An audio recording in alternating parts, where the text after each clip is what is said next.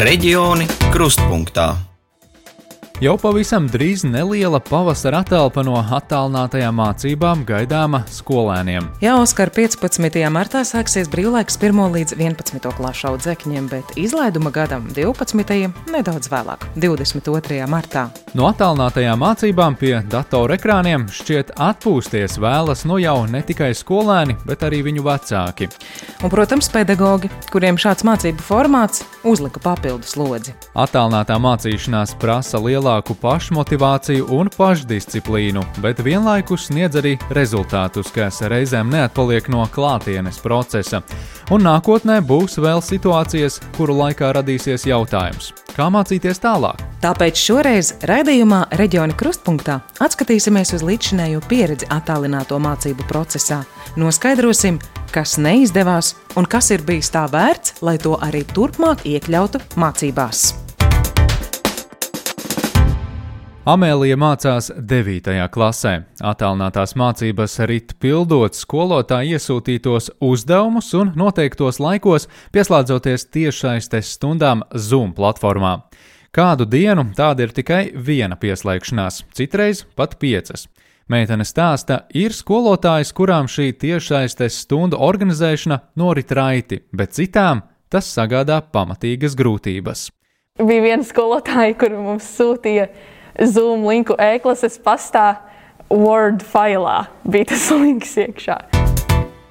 Redzot, kā norit attālinātās mācības, Amēlijas tētis ir satraukts par pamatīgo spriedzi, kuru šobrīd izjūt bērni, un kādas sekas tas radīs nākotnē. Joprojām ir procesu problēmas, nesaprašanas, kas kā jādara. Viens dara tā, otrs dara tā. Bērni saprot vieni tā, otrs saprot tā. Kaut kādām kopējām vadlīnijām, un es zinu, ka viņas ir. Ir skolotāji, kas uzreiz šo uztvēra nopietni un šīs vadlīnijas paņēma kā pašsaprotamas, ka tagad pēc tam ir jāstrādā. Un viņiem, cik es zinu no savu bērnu pieredzes, šī, šī mācīšanās arī ir jēgpilnāka. Savukārt tie, kas, nu, kā lai saka, varbūt domāja, ka tas būs pagaidu un, un tūlītās tūlīt beigsies un nepielāgoja uzreiz šo savu mācīšanās, mācīšanās procesu un, un arī dzēn varbūt, kuriem iet arī grūtāk ar kaut kādu IT tehnoloģiju apgūšanu, nu, tur visticamāk, ka tās problēmas nu, turpinās.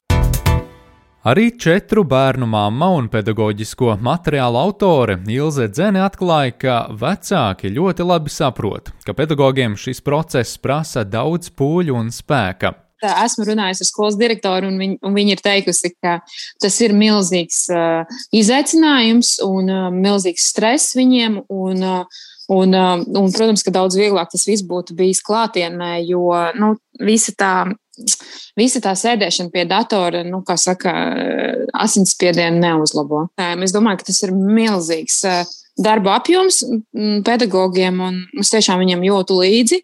Un, uh, es nezinu, es, es tiešām domāju, ka tas ir nu, paši pedagogi. To man arī ir teikuši, ka viņiem šis arī nav viegli.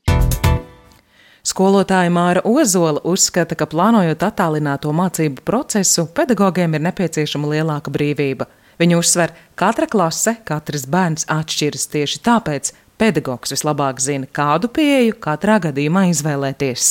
Māra gan atzīst, mācību procesu krietni atvieglotu vienota, kvalitatīvu mācību materiālu un uzdevumu bāze, jo šobrīd, lai bērnus izglītotu, katrs skolotājs tos sagatavojot patstāvīgi. Mums no malas kāds ar pirkstu bakstīs, dari tā un dari šitā.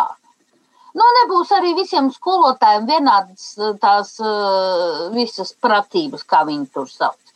Jā, es daudz esmu iemācījusies, jā, daudz mani kolēģi ir visu, ko iemācījušies, jā, citi neko nav iemācījušies, kā brauca, tā brauca, jo viņi jau visu mācīja tais datoros. Profesore, Latvijas Universitātes pedagoģijas, psiholoģijas un mākslas fakultātes dekāne Linda Daniela sarunā norāda, ka attālinātais formāts mācībās tik ātri vēl nebeigsies, un iespējams mums būs ar to jāsarod. Daļa vēl joprojām noteikti nav pielāgojušies. Mēs vienkārši varbūt runājam ekrānā un esam runājošās galvas. Bet pielāgošanās jau tā, nu, lai tas būtu patiešām īsts mācību process, prasa ne tikai, ka tas skolotājs māca runāt attālināti, bet ka ir arī pieejami mācību materiāli, kuri nav, ka ir pieejamas visādas ierīces, lai šis process varētu notikt kas arī nevienmēr visiem vēl ir. Tā kā šī pielāgošanās ir tāds nu, interesants process.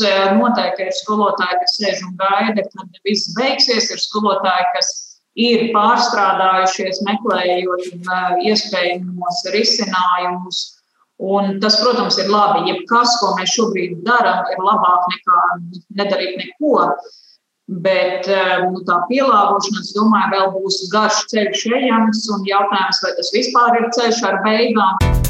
Ja jau attālinātā mācīšanās vēl kādu laiku jāturpina, būtu vērtīgi saprast, kas šajā procesā bija klupšanas akmeņi, kas atklājās tikai laika gaitā, un kas ir tās vērtīgās un veiksmīgās lietas, ko iekļaut izglītības saturā arī tad, kad varēs jau atgriezties pie ierastās mācīšanās skolās, tātad klātienē.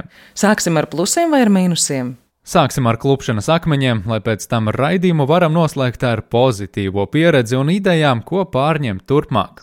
No tā plānošanas viedokļa bija viens pirmajam posmam liels klupšanas akmens, ko mēs mēģinājām. Nu, no sākuma vispār visi pazaudējās un domāju, ka tas pēc nedēļas beigsies, bet pēc tam mēģināja tās stundas atkārtot Nu, pēc tāda plāna, nu, ja tev bija 9.30 latviešu valoda, 10.30 matemātika, nu, tur 40 minūtes viņiem ir, tad mēģināj arī to darīt. No attālinātā procesā šādi noteikti nevar eh, darīt. Ir bērni, kuriem ir ļoti liels problēmas tik galā ar šo situāciju, jo viņiem vajag socializēties, tas viņiem dara tādu prieku, un rezultātā viņi vienkārši tas, tas kvalitatīvais, uh, teiksim tā, viņi nemācās kvalitīvi, jo viņi vienkārši nav, nav atpūtušies, nav priecīgi, nav uzlādējuši savas baterijas. Un to bērnu vecāku, kuriem ir problēmas, viņi ir ļoti sašutuši par šo situāciju. Tas gan ir fakts. Viņi raksta, ka bērnam iet ļoti grūti, viņi nespēja noturēt uzmanību, bērniem nav īsti foršs dienas režīms, viņš netiekās ar citiem bērniem, viņš, un viņam nav tas veids, kā viņi paši sev uzlādē baterijas, jo nav ne basēns, ne basketbols, nekas nenotiek. Un tad nu, tu dzīvo tajā vai ne savā mm, dzīvoklī vai, vai mājā, un um, bērni pat neiet svaigā gaisā. Ap citu, tā ir vēl viena lieta. Arī Linda Daniela atzīst, ka šajā īpatnējā situācijā runāt par normālu režīmu, kas ļautu netraucēti mācīties, ir visai grūti, un iezīmē spilgtu piemēru ģimenēs ar vairākiem dažādu vecumu bērniem. Tiesni, piemēram, ir eh, sociāli labvēlīga ģimene, izglītoti, inteliģenti vecāki, bet viņi ir mediķi. Viņi šobrīd strādā medicīnas jomā. Viņi rūpējās par mums visiem, lai kaut kas notiktu, un viņiem ir jābūt darbā, un viņu bērniem tā palīdzība tik ļoti nevar tikt nodrošināta. Nu, tur mēs varam modelēt tālāk, kas notiek ar trīs bērnu ģimenēm, kuras nesen runāju ar vienu mammu, kur bērns ir skolnieks viens Otrs ir bērngārznieks, kurš grib visu laiku skriet, un trešais ir zīdainis, kurš raud tad, kad viņš raud.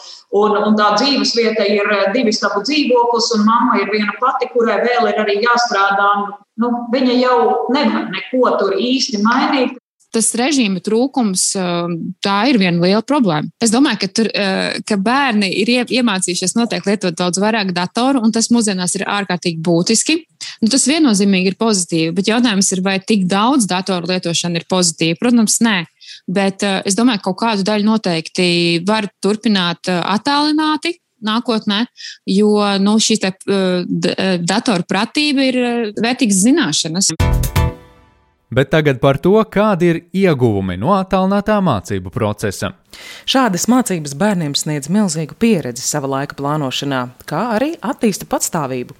To atzīst literatūras un latviešu valodas skolotāja Māra Ozola. Labā lieta ir tāda, ka tā radina viņus pie patstāvības, pie domas un pie tā, ka varbūt ka negadīsies kāds, kas viņus uz rociņām nu tagad no visām ķezām iznes ārā. Ilzai Dzenē ir četri bērni. Vecākais mācās 5. klasē un vidējais 3. Viņa attālināto mācību procesu savā ģimenē vērtē kā veiksmīgu, un tam viens no iemesliem esot arī salīdzinoši nelielās klases, viņas gadījumā 15 līdz 20 bērnu klasē. Tāpat liela loma ir arī bērnu pašdisciplīnai. Maniem bērniem nepatīk agri celties, un viņi to saskata kā tādu bonusu, ka viņi var mācīties tikai tās divas, trīs stundas no mājām, nevis no pulkstenes astoņiem līdz vieniem. Un tad viņ, viņiem pašiem patīk plānot savu laiku, un to es redzu tagad kā tādu pozitīvu momentu. Un uh, jau tajā, jau pirms, faktiski pirms gada mēs uh, ģimenē nopirkām uh, viedierīces, sanāk, gan planšeti nopirkām, gan uh, otru datoru sainstalējām, lai tas viss būtu tā veiksmīgi, jo ir ārkārtīgi svarīgi bērnam izveidot labu dienas režīmu. Tas nozīmē, ka mēs ceļamies vienā laikā, mēs pēdam brokastis. Nevis, nevis zūmas sākās 9.30 un bērns izveļās no gultas ar nesapķemētiem matiem un nepēc brokastis, un turpat arī turpina gulēt, vai vēl sliktāk, zem galda spēlē telefonu vai ne zūmu laikā. Un, vai arī tur paši savā starpā sačatojās bērni, ka uh, kādu spēlīti tu tagad spēlēsi. Ir bērni, kuriem attālinātās mācības nesagādā nekādu problēmu, un ir jāsaprot, ka viņiem patiešām nesagādā problēmu, jo viņi ir iemācījušies pašvadīt mācīties, uh, viņi māk paši organizēt savu laiku, un, uh, un godu vārds es varu pateikt, ka ir vecāki, kur nevienu reizi nav iegājuši pat e-klasē pa pieciem, sešiem mēnešiem kopš septembra tāpēc ka viņu bērni perfekti tiek galā. Un te rodas jautājums, kā atgriezīsimies pie mācībām klātienē, nerunājot jau par to, kā bērni turpinās veidot savstarpējās socializēšanās prasmes, laikā, kad bērns aug, attīstās un veido savu raksturu. Mums ir jādomā par to, kas notiks, kad atgriezīsimies klātienē, kas viņus varēs atbalstīt, kā mēs eh, sāksim atkal draudzēties kas klasē notiek, ja mēs esam gadu bijuši šķirti. Viens no otra bērniem, man liekas, taču ir traki visas tās draudzības un, un tāda sarunāšanās savstarpēji. Viņam tagad nenotiek. Labi, viņi sazinās, bet tas vienalga nav tas pats, kas, nezinu, pačalot meitenēm gaitenī par visu kaut ko un da neko. Daļa vecāku satraucas, cik bērni būs sagatavoti nākamajam mācību gadam. Vai nebūs robi zināšanās, vai viņi spēs tikt līdzi mācību tempam un sarežģītībai, bet Ilze Dzene uzskata, ka te paši vecāki var palīdzēt. Mēs vasaras parasti nekad netaisam brīvas, jo pa vasarām bērniem ļoti daudz kas aizmirstās. Mums vasarā ir diezgan stingrs režīms. Un tajā, tas režīms nozīmē to, ka mums ir, kriev, mēs mācāmies krievu valodu parasti pēcpusdienās ap četriem, Un arī vācu valodu mācāmies, jo angļu valodā viņi runā perfekti. Viņi samācījušies caur Netflix un arī caur, caur privātām nodarbībām. Bet matemā, jā, arī matemātiku mēs mācāmies no rīta, jo bērnam ir skaidra galva. Tā kā mēs netaisam nekādus beigos pārāvumus vasarā, un līdz ar to bērnam viss ir kārtībā. Un varbūt tas ir tāds tā ieteikums pārējiem vecākiem arī nedaudz tomēr um, paskatīties vasarā, ko viņi īstenībā apguvuši pēc tās vielas, kas būtu bijis jāapgūst, un, un, mm. Jā, un tad jau viņi uz septembri būs gatavi. Viennozīmīgi šis laiks būs devis arī daudz vērtīgu atziņu un mācību, kas lieti noderēs, lai turpmāk uzlabotu un modernizētu mācību procesu, arī padarītu pieejamāku. Profesore Linda Daniela saredz trīs iespējas. Kā viena iespēja mācību stundās piedalīties arī to vecāku bērniem, kuri darba dēļ daudz ceļo un bērnus ņem līdzi. Tāpat arī bērni, kuri ir mājās slimības dēļ, taču jūtas salīdzinoši labi. Mācībās varētu piedalīties attālināti, ja vien klasēs būtu nodrošinātas multimediju kameras. Otra iespēja viņas prāt būtu bērniem no attālākiem reģioniem mācīties specializētās skolās, kuras atrodas Rīgā, kā piemēram Franču licejā. Vēl viens variants, kas man nāk prātā modelējot, ir, kad nu, pieņemsim kādā attālinātā lauku skolā nevar atrast skolotāju.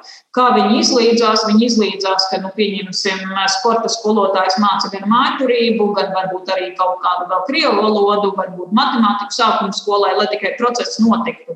Bet ja mēs nevaram atrast fizikas skolotāju, bet ir kāds skolotājs no Rīgas, vai, vai es nezinu, Ventspīlī nevar atrast skolotāju, bet skolotājs ir no Valmieras. Nu, tad šādā attālinātā procesā kaut kas tomēr var notikt, un ja mēs sagatavojam arī mācību līdzekļus, kā viņš var simulācijas izmantot, kaut ko izmantot, un tur ir kāds uz vietas, kas viņam varbūt arī šo to palīdz, tad šis arī varētu būt labs risinājums. Skaidrs ir viens, ka šī ir unikāla situācija visā izglītības sistēmā. Viedokļu daudz, bet tādas vienas pareizās receptes attēlinātā mācību procesa organizēšanā pagaidām nav. Šoreiz liekam punktu attālinātajām mācībām, bet jau nākamnedēļ kolēģi no Latvijas studijas vētīs jauno augstskolu likumu un to, kāpēc reģionālās universitātes satraukušās par statusa zaudēšanu. Pēc programmas Latvijas Rādio 1 pasūtījuma raidījumu veido RTV un raidījumu veidotāji Solvita Stara un Oskars Brasliņš. Reģioni Krustpunktā.